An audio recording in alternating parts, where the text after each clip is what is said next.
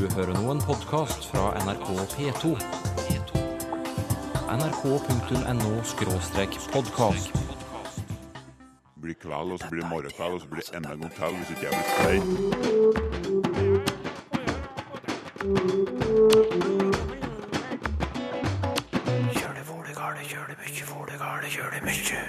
Noen sammensatte ord oppfatter vi ikke lenger som sammensatte. Eh, Fjøs, eller fjås, Vi kommer visstnok av fehus.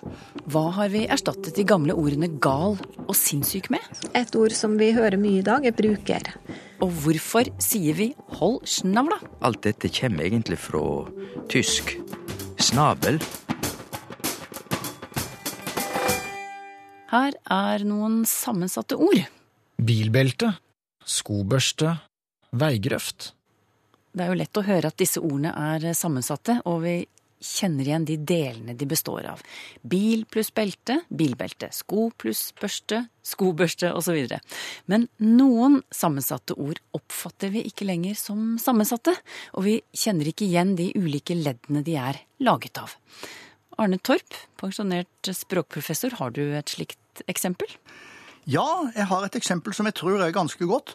Og det er det ordet som er uttalt frokost. Ja, frokost, det sier jeg også. Eh, Hvordan er det konstruert? Det er sammensatt av fro, eh, som er lite kjent i norsk, annet enn i en annen sammensetning som er veldig lite kjent, nemlig fromesse, som er ei slags eh, katolsk messe, antagelig, som er tidlig, nærmest på natta, da. Så det er tidligmesse. Og dette elementet fro betyr altså tidlig. Det heter på høytysk fru. fru. På nederlandsk heter det fror, og på plattysk heter det frå. Sånn at det er den plattyske forma som vanlig, eh, som er gått over i skandinaviske språk. Så frokost, og kost, det er jo et måltid eller mat. Hvorfor oppfatter vi ikke frokost som et sammensatt ord? Det er mange som uttaler det på en sånn måte at eh, det er veldig dunkelt at det er en sammensetning. Jaha, hvordan da? Jau, du. Jeg har altså da levd sammen med døtrene mine, som er sånn i 30-40-årsalderen. Og, har, og de sier selvfølgelig dette, bruker dette ordet, men de sier frokost. Men de har ikke lagt merke til. En uh, hører det en tror en hører. Så jeg trodde de sa frokost, akkurat som jeg gjorde, men det gjorde de ikke. Så de sier frokost. Jeg sier frokost vanligvis, Men- og men- med seg frokost. Og hva skjer da når man sier frokost? Da blir det veldig uanalyserbart. For da er det ikke lenger kost, men da er det eh, kost, eller kanskje til og med ost. Ja. Ene dattera mi sa hun trodde det har noe med ost å gjøre, kanskje. og det er jo klart at hvis du oppfatter det som en sammensetning da, så består det av frukk og ost. Ja. Hvis du sier frokost. Ja, så, så eh, uttalen kan også være med på å tilsløre nærmest, eller legge et slør over eh, hva som var det opprinnelige? Ja, i høy grad. Stakkar er et annet eksempel på ord vi ikke lenger oppfatter som sammensatte. Hva er bakgrunnen for det ordet? Ja, det er jo en mye eldre eh, sammensetning, vil jeg tro. For da må du tilbake til gammelnorsk for å få det nærmest analyserbart. Da heter det stavkarl. En stavkar. Det er en som går med tiggerstaven. Altså rett og slett en tigger, da. Ja, og derfor så er det synd på vedkommende, da. Ja, det er klart det. Ja, ja. Men du, er det mange sånne skjulte sammensetninger i det norske ordforrådet? Å ja da, det er massevis. Eh, vi kan ta et gammelt et, sånn som eh, eh, fjøs, eller fjås, som var altså uklart alt på gammelnorsk. Det kommer visstnok av fehus. Og da er det jo selvfølgelig klart at det betyr det huset der feet er. Navn er det veldig mange. Eh, Nesten alle navn er blitt ugjennomsiktige. Harald, navnet på kongen, eh, betyr da egentlig hærføre. Den som styrer over hæren. Harjavaldar på unordisk, da. Guro, eh, som er den moderne forma av det som på norrønt heter Gudrun, og i normalisert form Gudrun. Det er Gud pluss hemmelig kunnskap. Så det du har eh, gitt eksempel på nå, det er altså sammensetninger som vi ikke lenger oppfatter som sammensetninger. Vi, det er litt uklart for oss hva de egentlig består av, eller hva de opprinnelig besto av. eh, Hvilke ledd. Eh, Men så har vi andre ord som vi skjønner er sammensetninger, men som vi allikevel har gjort om på. Og du har et eksempel der. Ja, det er ordet forholdsregel, som altså tradisjonelt skal hete forholdsregel. Mm. det er da en regel som en skal forholde seg til. Altså en regel som en skal respektere. Men hvorfor har det blitt til forhåndsregel, for det er jo det mange sier? Ja, ja. Nei, det er jo selvfølgelig det at en forholdsregel er noe som en helst bør foreta seg på forhånd. Eh, Det er altså ordet overforma forhånd som har laga ugreia. Forhåndsregel, som veldig mange sier, det er 107 000 Google-treff. hva det heter. Eh, Det er ikke så mange på nynorsk i form av førerhandsregel, men der er noen. Der er vel 58 treff på det. Så eh, da er det jo veldig klart at det er forhånd som er gått over. Men eh, forhåndsregel og forholdsregel er jo veldig like i uttalen. Og forhåndsregel gir antagelig mye bedre mening for de fleste i dag. Men det er ikke registrert som et, eh, som et ord i ordbøkene? Nei, eh, ordbøkene prøver fremdeles å hevde at det er forholdsregel som er den korrekte forma. Ja. Så vi får vel foreløpig si det sånn, da. Ja. Det var jo et moderne eksempel da, på hvordan vi omformer ord for at de skal gi bedre mening. Men du har et eldgammelt eksempel også. Det er den danske byen Århus. ja, i gammeldansk så ga det god mening Åros. Eh, der er et par plasser i Norge som heter Åros. I Røyken og i Søgne er det plasser som heter det. Og der er det da ei elv som munner ut i sjøen. Eh, og førsteleddet er Å i gammelnorsk genitivform år, eh, som er altså elv. Og så er det Os, som dere vel kjenner. Mange kjenner det iallfall i betydning av en elvemunning, da. I Sverige finnes det byer som heter Åminne, som betyr akkurat det samme. Både Sverige og Finland. Så det er en gammelt navn på plasser som ligger ved en elvemunning. Ja, Så Århus het opprinnelig Aros. Ja, det gjorde det. Ja. Men hvorfor ble det til Århus? Ja, det er nok en reanalyse av det ordet der. Eh, Det, er jo, var jo en sammensetning i gammeldansk, og det er en sammensetning i moderne dansk århus. Men det var altså ikke hus som inngikk det. Eh, Det var os. Og de oppfatta kanskje dette her eh, århus som at det bare var en utydelig måte å si århus på. For H inni ord bruker som regel å forsvinne. Men eh, Eh, Det er nok òg det at det er mange plasser som heter hus i eh, siste ledd, sånn som Båhus for eksempel, som er en festning i Sverige. Akershus, som ligger her i Oslo. Kollinghus, som de har i Danmark osv. Og, så og da syns jeg det var gjevere å bli Århus. Ja, Og tenkte at den H-en den hadde bare blitt borte på veien. Ja, riktig. Ja. Og det skjedde på 1400-tallet. Da dukka skriftforma Århus opp i skrift. De eksemplene du har gitt nå, hva forteller det om språkutvikling? Det forteller jo at språket bestandig forandrer seg. Og det kommer bl.a. av såkalt lydutvikling, altså at orda forandrer form pga. at eh, lydene forandrer seg ved generasjonsveksling. Så hender det jo til at av og til språkbrukerne prøver å skape mening. Ny mening er et ord som en gang i tida ga god mening ut ifra elementene i ordet. Men så er elementene blitt uklare eller utviska, sånn som fehus til fjøs og Ja. frokost til frokost. Flere motiver for å endre på ordene. Ja. Og så kan sammensette ord få en ny betydning, fordi folk assosierer et av leddene i sammensetning med annen betydning, som virker rimeligere ut ifra det ordet skal bety. Og der er eksempelet forholdsregel. Det er ikke en regel som gjelder under alle forhold, men noe som en bør gjøre på forhånd. Arne Torp, pensjonert språkprofessor, om hvordan mange av de sammensatte ordene vi har, ikke alltid er like gjennomsiktige.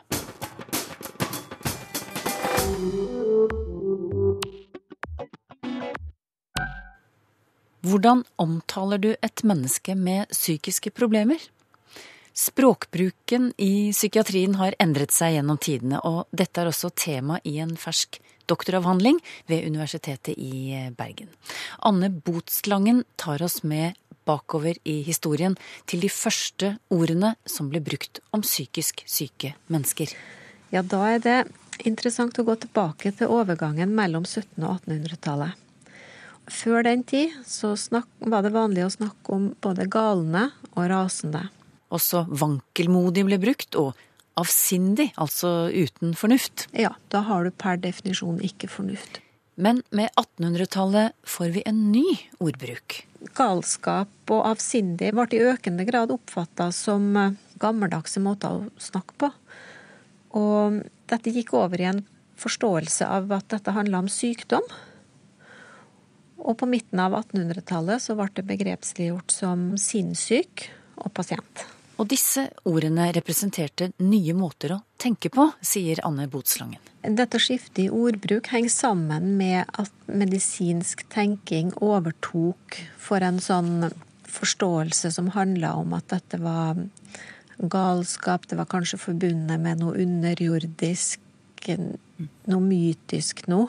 Altså med, med den medisinske tenkninga så kom rasjonaliteten inn, fornuften, tanken om at dette var mulig å behandle. Og, og det stedet der både observasjon og klassifikasjon og behandling skulle foregå, det var i sinnssykeasylene. I over 100 år ble psykisk syke omtalt som sinnssyke. Men Eh, Utover på 1950-tallet så blei snakkemåtene sinnssyk og sinnssykeasyl i stadig økende grad oppfatta som belastende, som gammeldagse og som stigmatiserende snakkemåter. En av grunnene var at eh, disse sinnssykeasylene ble stadig, fikk stadig flere pasienter. De lyktes ikke spesielt godt med å behandle og skrive ut. Og det kom til nye måter å uttrykke seg på. Man begynte å snakke om psykiatrisk omsorg istedenfor sinnssykeomsorg. Begynte å snakke om psyk øh, psykisk sykdom istedenfor sinnssykdom. Og alvorlig sinnslidelse. Snakka også om Et annet forslag var mentalvern. diskusjonene om ordbruk førte bl.a. til at sinnssykeloven skiftet navn til lov om psykisk helsevern. Egentlig så veit jeg ikke om det var en, et veldig stort skifte i menneskesyn som lå til grunn for den, det begrepsmessige skiftet der. Jeg strever litt med å se det, fordi at lovgiver sier jo også i denne prosessen at her var det snakk om språklige utskiftinger, ikke så store innholdsmessige utskiftinger. Så den nye loven opprettholdt tvangsbestemmelsene, f.eks. Så hvorfor bytte ut ordene hvis innholdet var det samme? Jeg tenker kanskje at eh, de gamle ordene blei forbundet med gamle tenkemåter og gamle praksiser om det å ikke lykkes. De nye snakkemåtene de blei mer forbundet med en slags sånn tanke om eh, framskritt og det å være moderne. Og fremdeles snakker vi om psykisk helsevern, men ordene vi bruker for å omtale psykisk syke personer har blitt mer generelle. Et ord som vi hører mye i dag, er bruker. Jeg fant brukerbegrepet i det materialet jeg har gått gjennom, brukt allerede i 1971. Etter det så, så har det jo kommet ord som eh, borger, f.eks.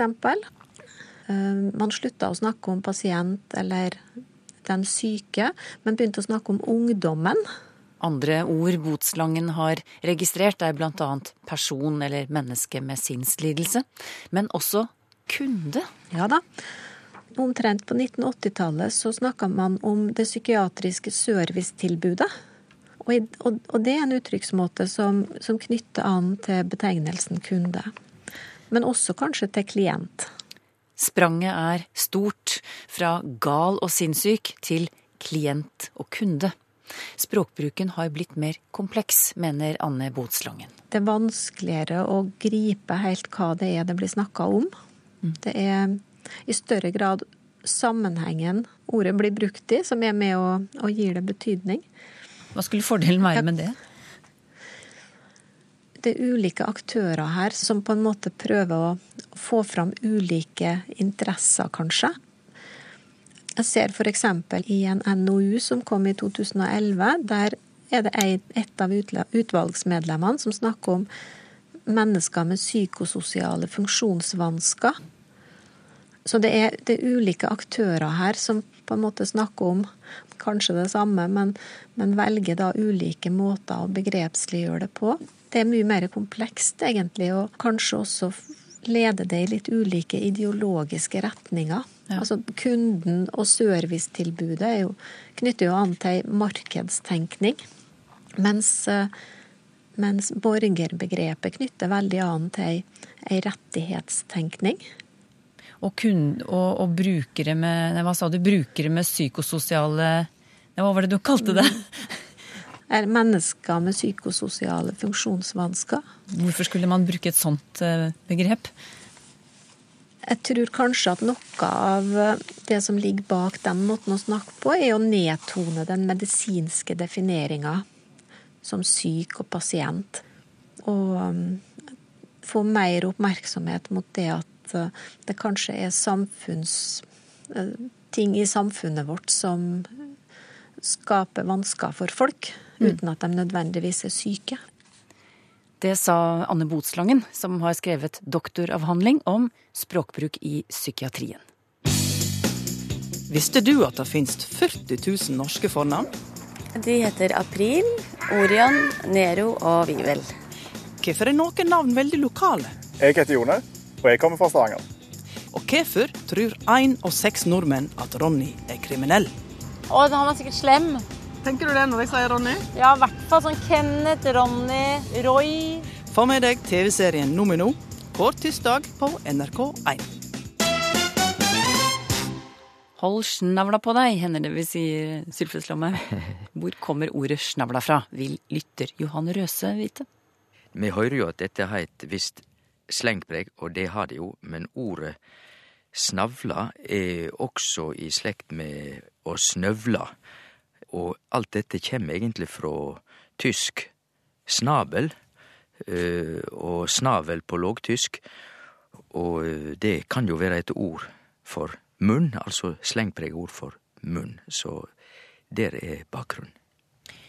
Kristin Ask lurer på om det finnes en sammenheng mellom følgende ord. Kreft, eh, altså det norske ordet kreft. Kreftor, som er kreps på svensk. Og cancer, som er kreft og stjernetegnet kreps på engelsk. Og det er det. Det er absolutt en sammenheng. Og da bør vi vel egentlig starte med latin, fordi det latinske ordet cancer tyder rett og slett kreps, opphavlet på latin. Og så så de, de som først oppdaga kreftsjukdommen, den spreier seg jo ut og har liksom litt lange tråder eller bein ut. De syns dette likna på ein kreps, og dermed så tok de det latinske ordet for kreps som navn også på den sjukdommen som de hadde oppdaga, altså kreft. Men på norsk sier vi altså kreps om ø, dette dyret som lever i vatn, og vi sier kreft om sjukdommen, altså to ulike ord. Hvordan henger det sammen?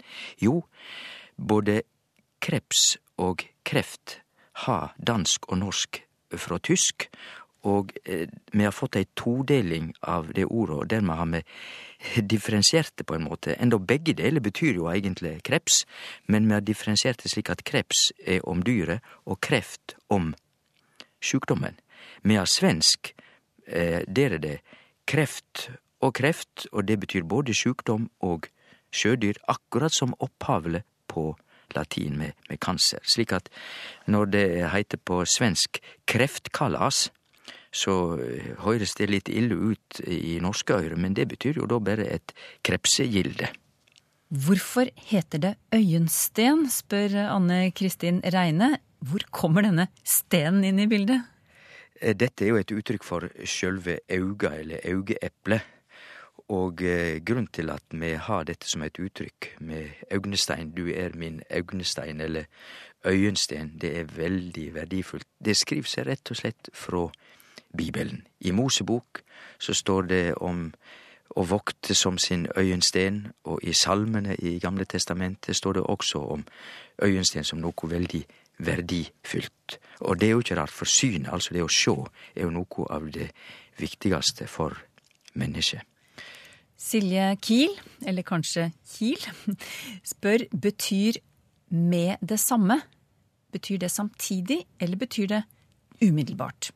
Eller er det avhengig av hvilken sammenheng det brukes i? Og så har hun to eksempler som hun lurer på er gangbare.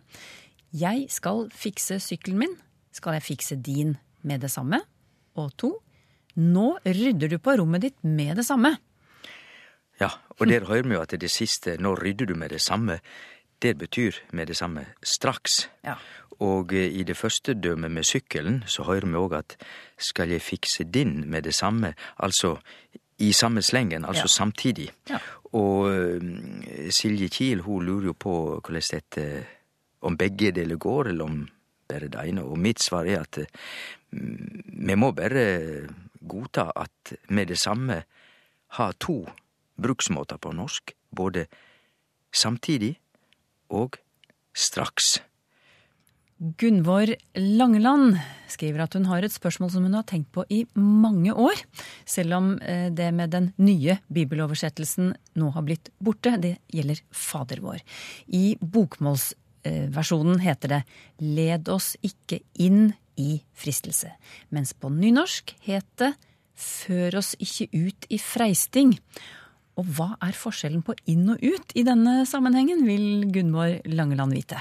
Og da er det slik at i denne sammenhengen så er det ingen eh, skilnad på inn eller ut. Vi kan seia led oss ikke inn i dette, eller før oss ikke ut i dette. Både inn og ut i fungerer jo veldig greit. Men det som er mest interessant, syns jeg, er noe annet, nemlig at nå står det ikke dette lenger i den nye bibelomsetninga, og det skulle bare mang- mangle, fordi at det er jo litt problematisk at eh, vi ber til Gud om at han ikke skal føre oss ut i freisting. Han er, vi må altså be han om at han ikke skal være så stygg med oss at han fører oss ut i freisting. Og det er jo heller ikke det som er meininga i grunnteksten. Det som er meininga i grunnteksten, er det som nå står i det nye, i den nye bunna. Lat oss ikke komme i freisting. Mm. Og det er noe annet. Så det er et interessant eh, spørsmål, men eh, selvsagt litt noe annet enn det som eh, Gunvor Langeland spør om først, dette med preposisjon inn og ut. Det er også interessant, men der er det altså ingen skilnad. Nei, Men hvorfor står det da 'led oss ikke inn i fristelse'? Eller hvorfor sto det da 'led oss ikke inn i fristelse' i bokmålsversjonen og 'før oss ikke ut i freisting' i nynorskversjonen? Ja, men svaret er bare at du kan seie begge deler, og begge preposisjonene er aktuelle, så dermed kan begge veljast. Og uttrykket er jo å, leie inn i le, Å lede inn i fristelse, men sier vi føra, så er det før oss ikke ut i freisting. Men vi kunne også sagt før oss ikke inn i freisting. Naturligvis kunne vi det. Gunnar Lamvik eh, nevnte i en tekstmelding til en kollega at vi får snakkes om dette og hint i morgen. Men det forsto ikke kollegaen. Og så har eh, Gunnar i ettertid testet dette uttrykket hos yngre, andre yngre kolleger i kantina, og det var ikke noe velkjent eh, uttrykk for dem heller. Så det syns han kanskje er litt pussig, og så lurer han på uttrykket kom, hvor uttrykket kommer fra. Ja, det var jo nesten litt rart, for dette er virkelig tradisjonell norsk språkbruk. Hinman, som er et uttrykk for djevelen, det betyr den andre mannen. Altså, hin betyr jo der borte, den andre. Vi har jo desse, som er nær, og så har vi hine, de er lenger borte. Så hin og hine, og også hint, som den t-en er jo eh, nøytrums, altså ikke-kjønnsbøyingste. Det betyr eh, det som er fjernere borte fra oss. Så dette og hint, altså enten dette her eller hint, det som er det andre lenger borte. Og vi må ikke tro at dette har noe med verbet å hinta å gjøre, for det er et verb som betyr å ymte om noe eller å varsle noe. Det er et helt annet ord. Aslak Rånes spør hvor ordet ekstravagant kommer fra. Ja, da må vi dele opp ordet i to. Ekstra og vagant. Og eh, vagant er jo i slekt med et annet, kanskje mer kjent ord, en vagabond.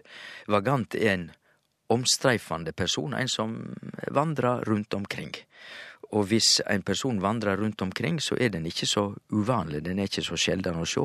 Ekstra betyr utanfor, så da begynner det å ligne litt. Ekstravagant betyr det som er utanfor det som går rundt omkring, altså utanfor, bortanfor det som er vanlig. Noe spesielt, altså. Ja. Noe litt sånn ekstra. Ja. Og ekstra betyr altså egentlig utenfor. Aslak Thoresen skriver til oss om ordet mær, altså dette som vi har Denne innhegningen som vi har oppdrettsfiske i.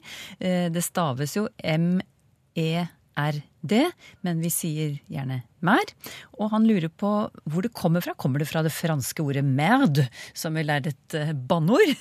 Ja, og som betyr drit. Skitt, rett og slett. Nei, det har nok ikke noe med det franske ordet merde å gjøre. Men eh, dette er et gammelt ord i norsk. Eh, Fanst også på gammelnorsk merder.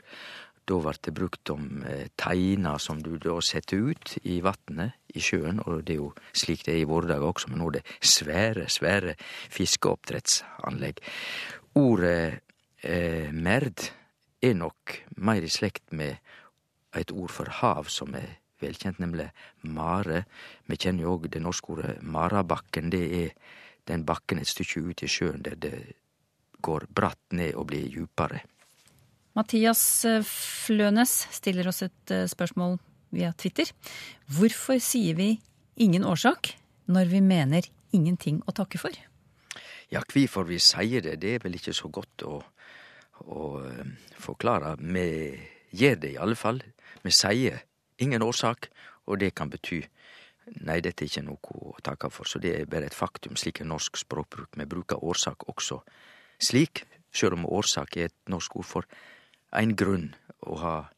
Så um, kanskje vi kan si at ingen årsak må bety ingen grunn til å til å takke for det, liksom. Dette er sjølsagt. Men eh, når vi først er inne på årsaken, så vil jeg veldig gjerne understreke at folk ikke må blande sammen årsak og ordsak. Årsak er altså en grunn som ligger til grunn for noe, men mange som snakker nynorsk og eh, sier årsak òg eh, når de mener orsak. De sier 'å, årsak meg', men det er jo feil. De må si 'orsak meg'. Orsak, altså unnskyld, for det betyr å bli teken ord, ut ord, ei sak, og være skuldfri. Har du spørsmål til Språkteigen? Skriv til Teigen, krøllalfa nrk.no, eller til Språkteigen, NRK P2, 7005, Trondheim. Så finner du oss også på Twitter og på Facebook. Er du oppkalt etter noen i familien? Tradisjonen med å gi barn navn etter familiemedlemmer oppsto i vikingtiden. Hør mer neste gang.